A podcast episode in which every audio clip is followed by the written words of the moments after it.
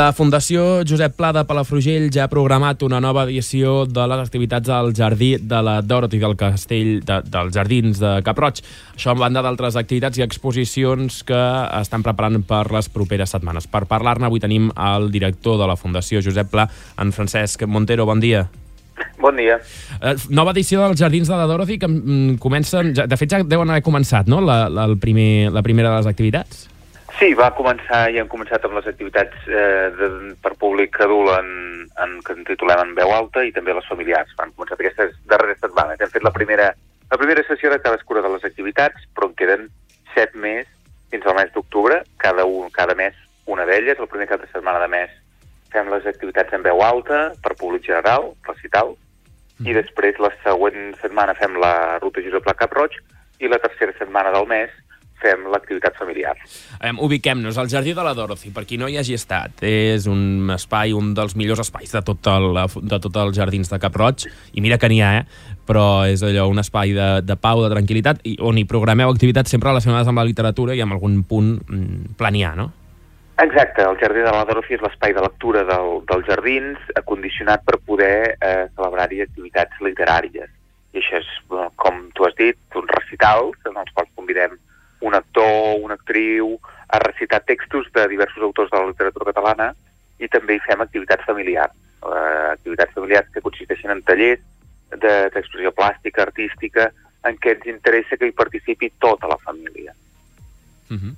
um, doncs això, ens has dit algun dels... Uh, de, allò, la, la, la, la, les característiques bàsiques d'algunes de les activitats, però si n'haguéssim de destacar alguna de les que es faran des d'ara fins a la tardor, què, què destacaríem? És difícil destacar perquè la veritat és que aquest any tenim un programa molt, molt, molt atractiu, ho creiem, que ens fa molta il·lusió i a banda d'aquests recitals també destacaria potser la que combinem aquests recitals que són d'un format d'això, de convidar un actor o una actriu, vam tenir la Bel Folk, eh, però aquest cap de setmana tindrem l'Estel Soler, però també vindrà la Carme Sansa, eh, abans de l'estiu i després de l'estiu més, més, més persones, més, més actors i actrius convidats.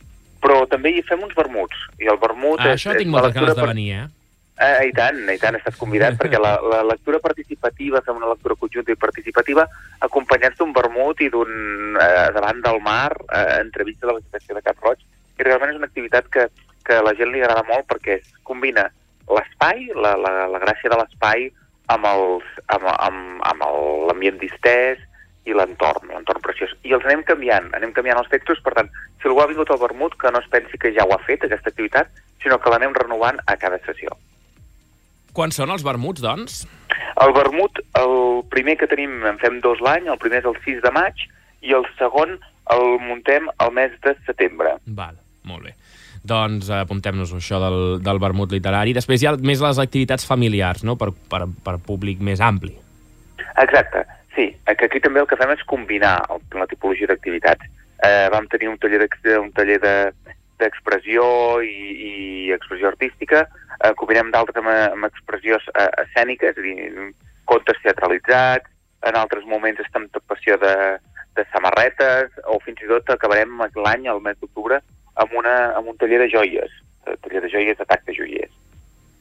Per què el Jardí de la Dorothy? Per què eh, els Jardins de Cap Roig com a espai eh, annex, podríem dir, no? Espai on desenvolupeu bona part de l'activitat de, de la Fundació.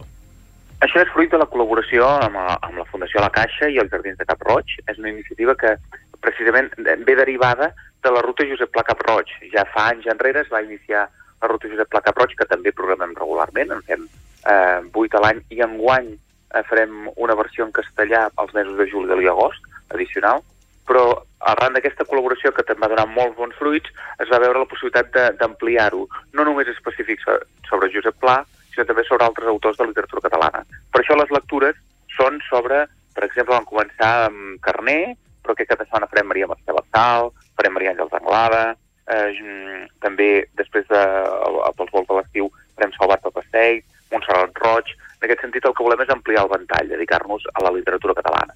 I aquests recitals són una mica com petits tastets, petits, petits, mm, petites invitacions a la lectura, assegurir en un ambient això distès, amè, i de la veu d'especialistes, especialistes, actors i actrius, que d'aquesta manera el que fan és que l'experiència sigui encara més eh, intensa.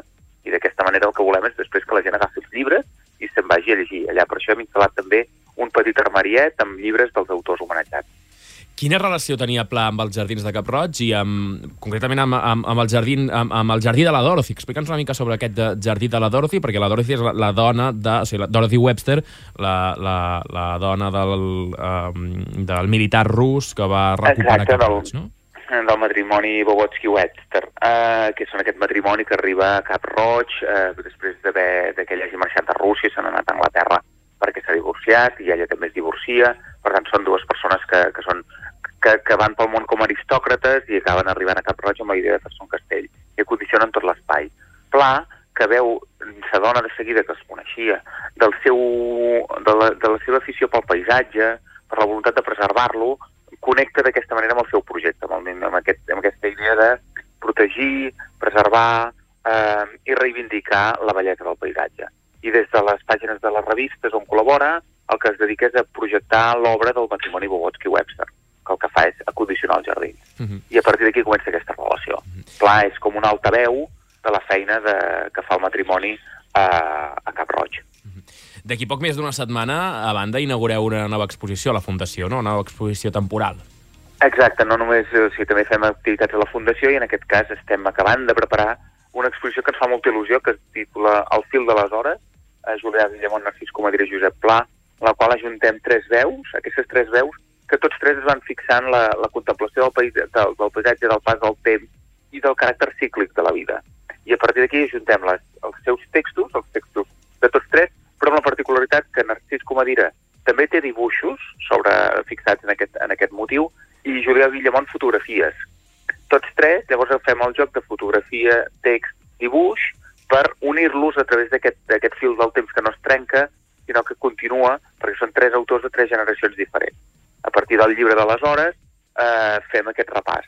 S'ha de dir, però, que el, fa 20 anys Narcís Comadira i Josep Pla els van dedicar una exposició que es titulava El temps que puig, i la idea de fons és recuperar, però renovar aquella, aquella exposició, afegint una altra veu, nous continguts i noves orientacions. Mhm.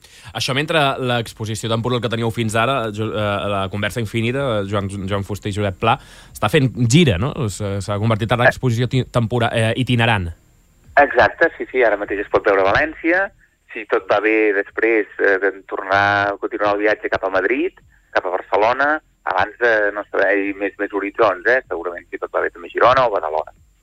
Vull dir que aquesta exposició sí que serà infinita, eh, algun dia acabarà, però de moment està sent infinita i, i ens fa molt i molt contents que això sigui així. Potencialment infinita, no? Doncs, uh, això és, hem dit algunes, per, perquè no podem detallar totes les activitats que, que, que organitzeu, no? però això, si haguéssim de destacar mm, de destacar-ne algunes, el Jardí de la Dorothy, la nova exposició temporal, i després es mantenen uh, totes les uh, rutes literàries a diversos punts, en aquest cas de, de, de Palafrugell, no? però també Ullestret o Girona. Uh, Exacte, i exacte, sí, sí. Pot ser que Eh, més- n'estreneu alguna aquest any? Sí, precisament ara això és el que, a banda Ah, d'aquesta exposició, que el, després de l'estiu, te- o sigui, al, al final de, de la primavera, a principis d'estiu, també n'inaugurem una altra en el cicle aquest de l'Eduard Vigues, Ah, però això serà ja més endavant.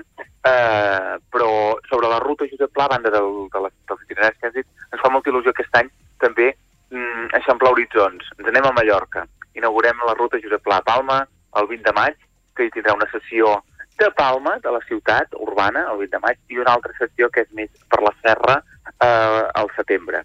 I això ens fa moltíssima il·lusió. Home, molt bé, quina... A part de- a quina part d'algunes altres activitats que ja, ja... I més endavant ja t'explicarem alguna altra activitat que estem acabant de perfilar, concretament, que és, que és eh, per celebrar alguns aniversaris que tenim a la Fundació. Quina relació tenia Pla a- amb, amb l'illa? Amb l'illa de Mallorca, Pla va tenir una relació intensíssima. Eh, Baltasar Porcel era un dels seus amics dels anys 50 i especialment als 60. Eh, a més a més va tenir i va viatjar diverses ocasions i va fer una guia de Mallorca, Menorca i Eivissa. I va fer una guia específica a les seves guies de viatge, que en té una de Catalunya, una altra de la Costa Brava, doncs en té una dedicada a Mallorca. I tenia molts amics i va viatjar, va escriure sobre l'illa. En fi, la relació és intensa i que hem hagut de fer és retallar molt de material de tant que n'hi havia.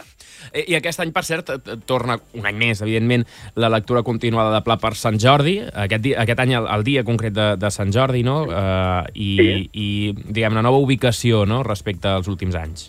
Exacte, la plaça de Can Màrio, amb un format micròfon obert, el que nosaltres també eh, el que hem fet és triar un llibre que es diu El, el, el meu país, amb la idea concretament de fer el meu poble, pel, pel Fagell Peix Fregit, um, i si algú desitja eh, apuntar-s'hi ens pot, pot venir allà directament a llegir el text que vulgui, però fins i tot ens pot demanar orientació a la Fundació Josep Pla sobre si vol llegir algun text en concret, etc i podríem fins i tot arribar-lo a acordar una miqueta prèviament. Fantàstic. Hi ha alguna cosa més que, que hem de destacar? Hem, hem dit moltes coses, eh? però hi ha alguna, algun element més de la programació de les properes setmanes que vulguis destacar? Hem dit eh, moltíssimes coses, però és això, que la gent participi, que tingui ganes de, de venir, i l'última qüestió és que també col·laborarem al pati Flors i Violes, amb un pati que, que, que ens fa molta il·lusió al voltant també del cicle del temps, una instal·lació que ens ha fet en Jordi Miquel Riera, que posa la llum solar al centre del, del, del, de la instal·lació i que creiem que donarà un resultat força interessant. Al pati de la Fundació? Sí, al pati de la Fundació, dins Fantàstic. del marc de la programació de Flors i Violes. Fantàstic. Molt bé, doncs, um, Francesc Montero, director de la Fundació Josep Pla, hem parlat de les uh, activitats de les properes setmanes i mesos de la Fundació. Gràcies i que tinguis molt bon dia. Moltes gràcies. Fins aviat.